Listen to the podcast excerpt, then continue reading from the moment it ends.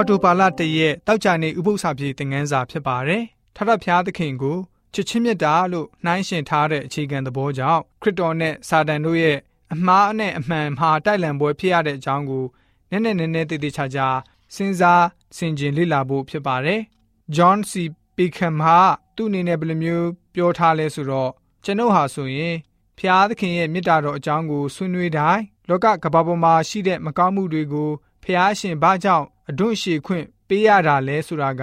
မေတ္တာတော်ကြောင့်လို့ကျွန်ုပ်ပြက်ပြက်သားသားမှတ်ချက်ချလေ့ရှိပါတယ်။ဖျားသခင်စီစဉ်ဆုံးဖြတ်တဲ့အကြောင်းအရာကိုကျွန်ုပ်အနေနဲ့ချင်းချက်တော်မူတဲ့ဗြိဉ္ဉ်စီမင်းလို့ကင်မွန်းတက်ခေါ်ဆိုချင်ပါတယ်ဆိုပြီးတော့ပြောခဲ့တာတွေ့ရပါတယ်။ဝိညာဉ်တော်စာပေဖြစ်တဲ့ Egypt White Patriarchs and Prophets စာမျက်နှာ392မှာဘယ်လိုမျိုးဖော်ပြထားလဲဆိုတော့ဣသေလလူမျိုးတွေခါနန်ပြည်မဝင်ရ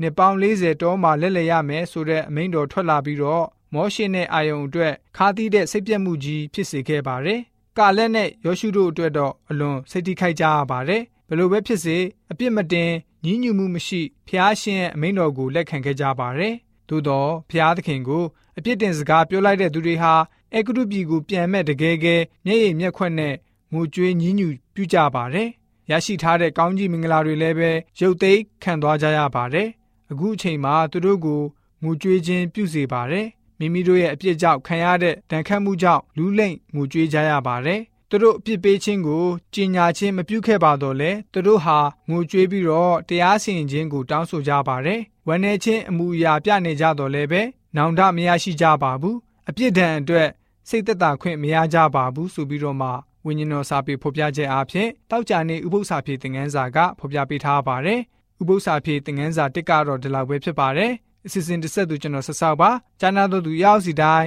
ဝိညာဉ်ခွန်အားနဲ့ပြည့်ဝကြပါစေ။ကျေးဇူးတင်ပါတယ်။